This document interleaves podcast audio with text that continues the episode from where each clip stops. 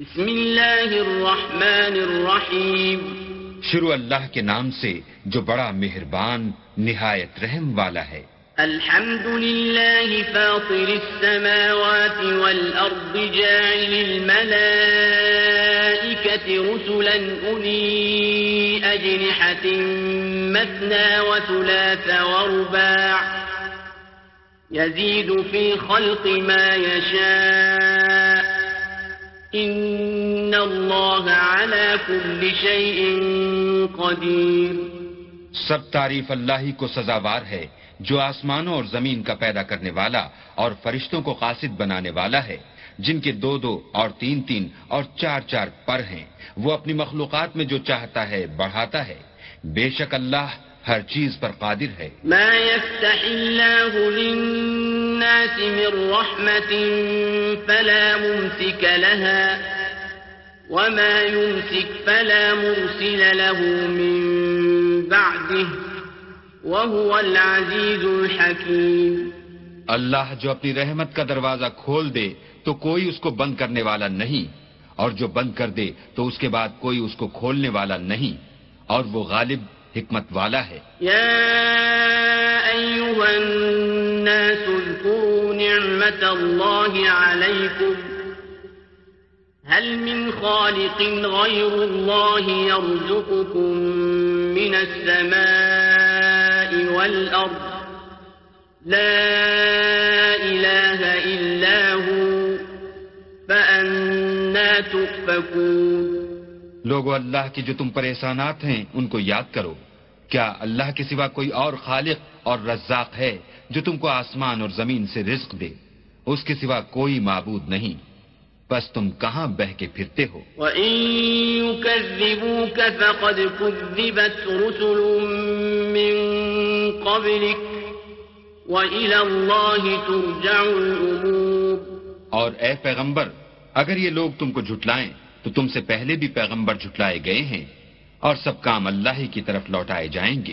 يا أيها الناس إن وعد الله حق۔ فلا تغرنكم الحياة الدنيا ولا يغرنكم بالله الغرور۔ لوگو اللہ کا وعدہ سچا ہے تو تم کو دنیا کی زندگی دھوکے میں نہ ڈال دے۔ اور نہ شیطان فریب دینے والا تمہیں فریب دے۔ إن الشيطان لكم عدو فاتخذوه عدوا إنما يدعو حزبه ليكونوا من أصحاب السعير۔ شیطان تمہارا دشمن ہے۔ تم بھی اسے دشمن ہی سمجھو۔ وہ اپنے پیرووں کے گروہ کو بلاتا ہے تاکہ وہ دوزخ والوں میں ہوں۔ الذين كفروا لهم عذاب شديد والذين آمنوا وعملوا الصالحات لهم مغفرة وأجر كبير جنہوں نے کفر کیا ان کے لیے سخت عذاب ہے اور جو ایمان لائے اور عمل نیک کرتے رہے، ان کے لیے بخشش اور بڑا ثواب ہے۔ أفمن زين له سوء عمله فرآه حسنا فإن الله يضل من يشاء ويهدي من يشاء فلا تذهب نفسك عليهم حسرات إن الله عليم بما يصنعون بھلا جس شخص کو اس کے اعمال بد آراستہ کر کے دکھائے جائیں اور وہ ان کو عمدہ سمجھنے لگے، تو کیا وہ نیکوکار آدمی جیسا ہو سکتا ہے؟ بے شک اللہ جس کو چاہتا ہے گمراہ کرتا ہے اور جس کو چاہتا ہے ہدایت دیتا ہے۔ تو ان لوگوں پر افسوس کر کے تمہارا دم نہ نکل جائے۔ یہ جو کچھ کرتے ہیں، اللہ اس سے واقف ہے۔ والله الذي أرسل الرياح فتثير سحابا فسقناه إلى بلد ميت فسقناه إلى بلد ميت فأحيينا به الأرض بعد موتها۔ كذلك النشور۔ اور اللہ ہی تو ہے جو ہوائیں چلاتا ہے اور وہ بادل کو ابھارتی ہیں۔ پھر ہم اس کو ایک بے جان شہر کی طرف چلاتے ہیں۔ پھر اس سے زمین کو اس کے مرنے کے بعد زندہ کر دیتے ہیں۔ اسی طرح مردوں کو جی اٹھنا ہوگا۔ من كان يريد العزة فلله العزة جميعا إليه يصعد الكلم الطيب والعمل الصالح يرفعه والذين يمكرون السيئات لهم عذاب شديد ومكر أولئك هو يبور. جو شخص عزت کا طلبگار ہے تو عزت تو سب اللہ ہی کی ہے، اسی کی طرف پاکیزہ کلمات چڑھتے ہیں اور نیک عمل ان کو بلند کرتے ہیں۔ اور جو لوگ برے برے مکر کرتے ہیں، ان کے لیے سخت عذاب ہے۔ اور ان کا مکر نابود ہو جائے گا واللہ خلقکم من تراب ثم من نطفة ثم جعلكم ازواجا وما تحمل من أنثى ولا تضع إلا بعلمه وما يعمر من معمر ينقص من عمره إلا في كتاب إن ذلك على الله يسير اور اللہ ہی نے تم کو مٹی سے پیدا کیا، پھر نطفے سے پھر تم کو جوڑا جوڑا بنا دیا۔ اور کوئی عورت نہ حاملہ ہوتی ہے اور نہ جنتی ہے، مگر اس کے علم سے۔ اور نہ کسی بڑی عمر والے کو عمر زیادہ دی جاتی ہے، اور نہ اس کی عمر کم کی جاتی ہے، مگر سب کچھ کتاب میں لکھا ہوا ہے۔ بے شک یہ اللہ کو آسان ہے وما يستوي البحران هذا عذب فرات سائر شرابه وهذا ملك أجاج ومن كل تأكلون لحما طريا وتستخرجون حلية تلبسونها وترى الفلك فيه مواخر لتبتغوا من فضله ولعلكم تشكرون. اور دونوں دریا مل کر یکساں نہیں ہو جاتے، یہ تو میٹھا ہے پیاس بجھانے والا، جس کا پانی خوشگوار ہے، اور یہ کھاری ہے کڑوا، اور سب سے تم تازہ گوشت کھاتے ہو، اور زیور نکالتے ہو، جسے پہنتے ہو، اور تم دریا میں کشتیوں کو دیکھتے ہو کہ پانی کو پھاڑتی چلی آتی ہیں تاکہ تم اس کے فضل سے معاش تلاش کرو اور تاکہ شکر کرو۔ يولج الليل في النهار ويولج النهار في الليل وسخر الشمس والقمر كل يجري لأجل مسمى۔ ذلكم الله ربكم له الملك۔ والذين تدعون من دونه ما يملكون من قطمیر وہی رات کو دن میں داخل کرتا اور وہی دن کو رات میں داخل کرتا ہے اور اسی نے سورج اور چاند کو کام میں لگا دیا ہے۔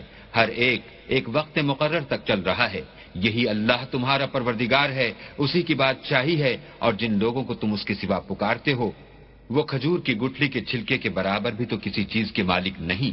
ان تدعوهم لا يسمعوا دعاءكم ولو سمعوا ما استجابوا لكم ويوم القيامة يكفرون بشرككم ولا ينبئك مثل خبير اگر تم ان کو پکارو تو وہ تمہاری پکار نہ سنیں اور اگر سن بھی لیں تو تمہاری بات کو قبول نہ کر سکیں۔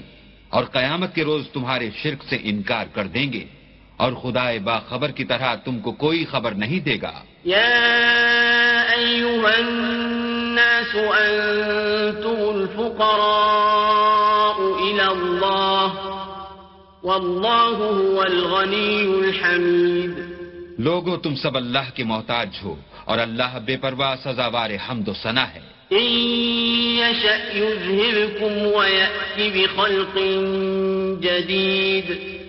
اگر چاہے تو تم کو نابود کر دے اور نئی مخلوقات لا آباد کرے۔ وما ذلك على الله بعزيز. اور یہ اللہ کو کچھ مشکل نہیں۔ ولا تزر وازرة وزر أخرى. وإن تدع مثقلة إلى حملها لا يحمل منه شيء ولو كان ذا قربا إنما تنذر الذين يخشون ربهم بالغيب وأقاموا الصلاة ومن تزكى فإنما يتزكى لنفسه وإلى الله المصير۔ اور کوئی اٹھانے والا دوسرے کا بوجھ نہ اٹھائے گا۔ اور کوئی بوجھ میں دبا ہوا اپنا بوجھ بٹانے کو کسی کو بلائے تو کوئی اس میں سے کچھ نہ اٹھائے گا۔ اگرچہ قرابت دار ہی ہو۔ اے پیغمبر، تم انہی لوگوں کو نصیحت کر سکتے ہو جو بن دیکھے اپنے پروردگار سے ڈرتے اور نماز بال التظام پڑھتے ہیں۔ اور جو شخص پاک ہوتا ہے، اپنے ہی لیے پاک ہوتا ہے۔ اور سب کو اللہ ہی کی طرف لوٹ کر جانا ہے۔ وما يستوي الأعمى والبصير اور اندھا اور آنکھ والا برابر نہیں۔ ولا الظلمات ولا النور اور نہ اندھیرا اور روشنی۔ ولا الظل ولا الحرور اور نہ سایہ اور دھوپ۔ وما يستوي الأحياء ولا الأموات إن الله يسمع من يشاء وما أنت بمسمع من في القبور اور نہ زندے اور مردے برابر ہو سکتے ہیں۔ اللہ جس کو چاہتا ہے سنا دیتا ہے اور تم ان کو جو قبروں میں مدفون ہیں سنا نہیں سکتے۔ إن أنت إلا نذير تم تو صرف ہدایت کرنے والے ہو۔ إنا أرسلناك بالحق بشيرا ونذيرا وإن من أمة إلا خلا فيها نذير ہم نے تم کو حق کے ساتھ خوشخبری سنانے والا اور ڈرانے والا بھیجا ہے اور کوئی امت نہیں مگر اس میں ہدایت کرنے والا گزر چکا ہے۔ وإن يكذبوك فقد كذب الذين من قبلهم جاءتهم رسلهم بالبينات جاءتهم رسلهم بالبينات وبالزهر وبالكتاب المنير۔ اور اگر یہ تمہاری تکذیب کریں تو جو لوگ ان سے پہلے تھے وہ بھی تکذیب کر چکے ہیں۔ ان کے پاس ان کے پیغمبر نشانیاں اور صحیفے اور روشن کتابیں لے لے کر آتے رہے۔ ثم أخذت الذين كفروا فكيف كان نكير؟ پھر میں نے کافروں کو پکڑ لیا۔ سو دیکھ لو کہ میرا عذاب کیسا ہوا۔ ألم تر أن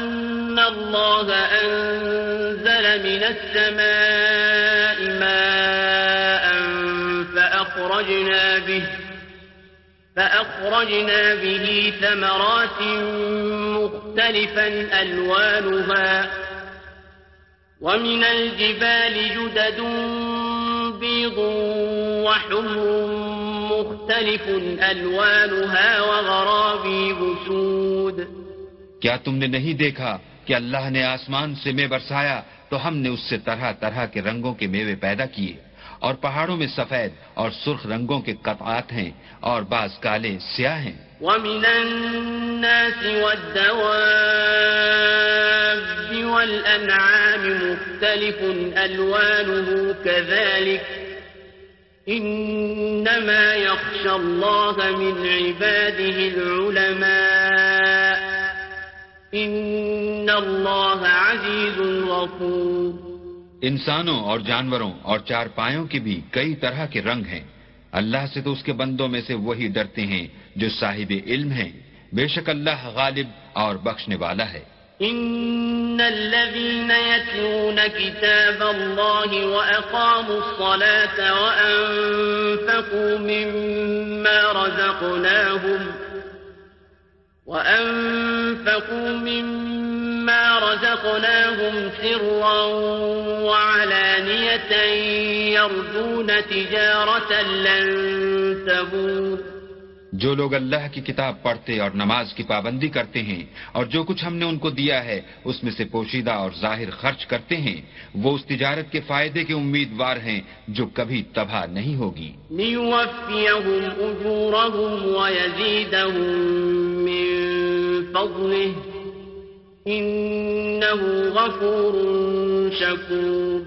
کیونکہ اللہ ان کو پورا پورا بدلہ دے گا اور اپنے فضل سے کچھ زیادہ بھی دے گا۔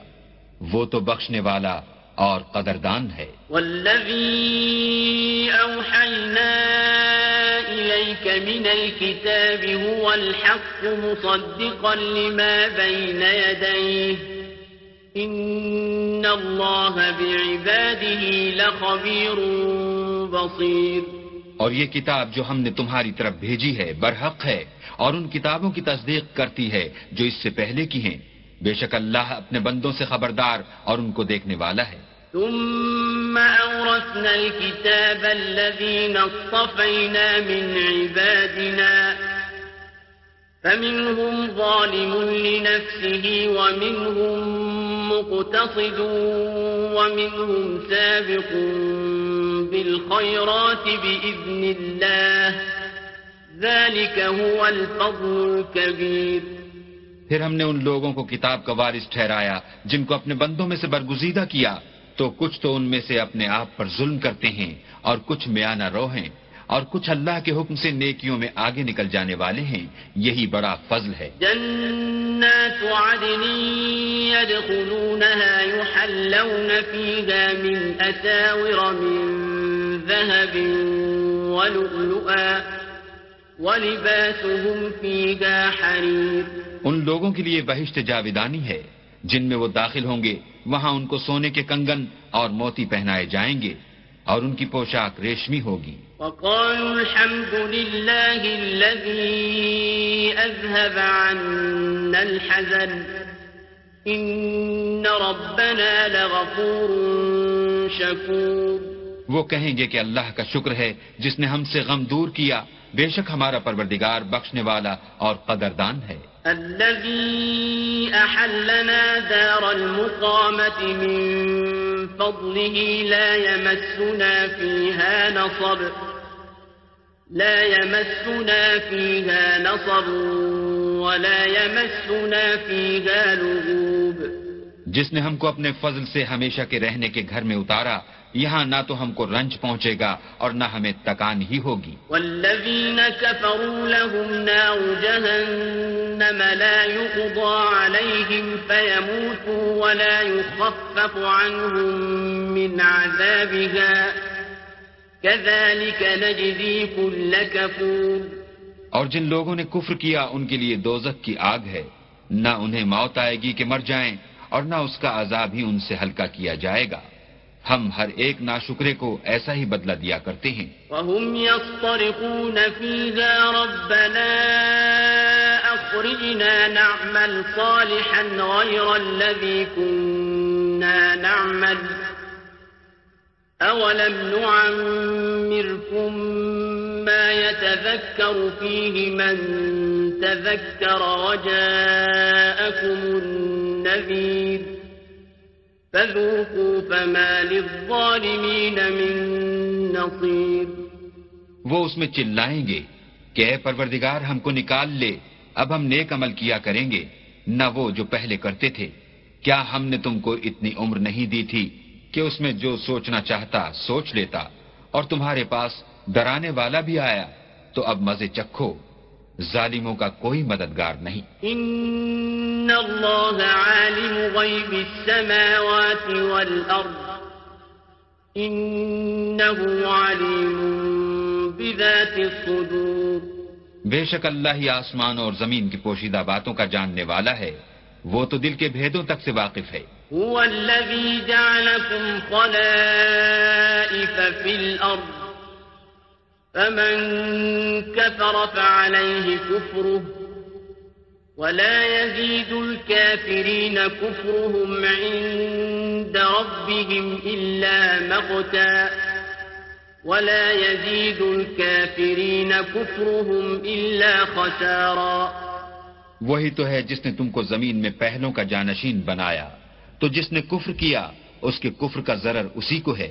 اور کافروں کے حق میں ان کے کفر سے پروردگار کے ہاں نا خوشی ہی بڑھتی ہے اور کافروں کو ان کا کفر نقصان ہی زیادہ کرتا ہے۔ قل أرأيتم شركاءكم الذين تدعون من دون الله أروني ماذا خلقوا من الأرض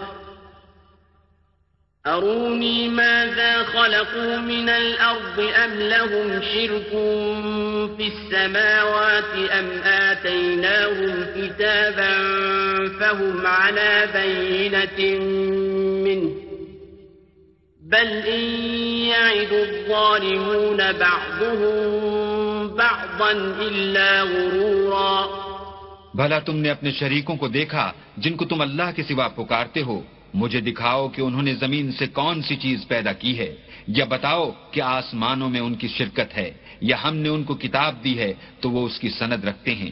ان میں سے کوئی بات بھی نہیں، بلکہ ظالم جو ایک دوسرے کو وعدہ دیتے ہیں، محض فریب ہے۔ ان اللہ يمسك السماوات والارض ان تزولا۔ ولئن زالتا ان امسكهما من احد من بعده انه كان حليما غفورا۔ اللہ ہی آسمانوں اور زمین کو تھامے رکھتا ہے کہ ٹل نہ جائیں۔ اگر وہ ٹل جائیں تو اللہ کے سوا کوئی ایسا نہیں جو ان کو تھام سکے۔ بے شک وہ بردبار اور بخشنے والا ہے۔ وَأَقْسَمُوا بِاللَّهِ جَهْدَ أَيْمَانِهِمْ لَئِن جَاءَهُمْ نَذِيرٌ لَيَكُونُنَّ أَهْدَى مِنْ إِحْدَى الْأُمَمِ فَلَمَّا جَاءَهُمْ نَذِيرٌ مَا زَادَهُمْ إِلَّا نُفُورًا اور یہ اللہ کی سخت سخت قسمیں کھاتے ہیں۔ کہ اگر ان کے پاس کوئی ہدایت کرنے والا آئے، تو یہ ہر ایک امت سے بڑھ کر ہدایت پر ہوں۔ مگر جب ان کے پاس ہدایت کرنے والا آیا، تو اس سے ان کو نفرت ہی بڑی استكبارا في الأرض ومكر السيء ولا يحيق المكر السيء إلا بأهله، فهل ينظرون إلا سنة الأولين فلن تجد لسنة الله تبديلا ولن تجد لسنة الله تحويلا. یعنی انہوں نے ملک میں غرور کرنا اور بری چال چلنا اختیار کیا اور بری چال کا وبال اس کے چلنے والے ہی پر پڑتا ہے۔ یہ اگلے لوگوں کی روش کے سوا اور کسی چیز کے منتظر نہیں۔ سو تم اللہ کی عادت میں ہرگز تبدل نہ پاؤ گے اور اللہ کے طریقے میں کبھی تغیر نہ دیکھو گے أولم يسيروا في الأرض فينظروا كيف كان عاقبة الذين من قبلهم وكانوا أشد منهم قوة وما كان الله ليعجزه من شيء في السماوات ولا في الأرض إنه كان عليما قديرا کیا انہوں نے زمین میں سیر نہیں کی تاکہ دیکھتے کہ جو لوگ ان سے پہلے تھے ان کا انجام کیا ہوا؟ حالانکہ وہ ان سے قوت میں بہت زیادہ تھے۔ اور اللہ ایسا نہیں کہ آسمانوں اور زمین میں کوئی چیز اس کو آجز کر سکے۔ وہ علم والا اور قدرت والا ہے۔ ولو يؤاخذ الله الناس بما كسبوا ما ترك على ظهرها من دابة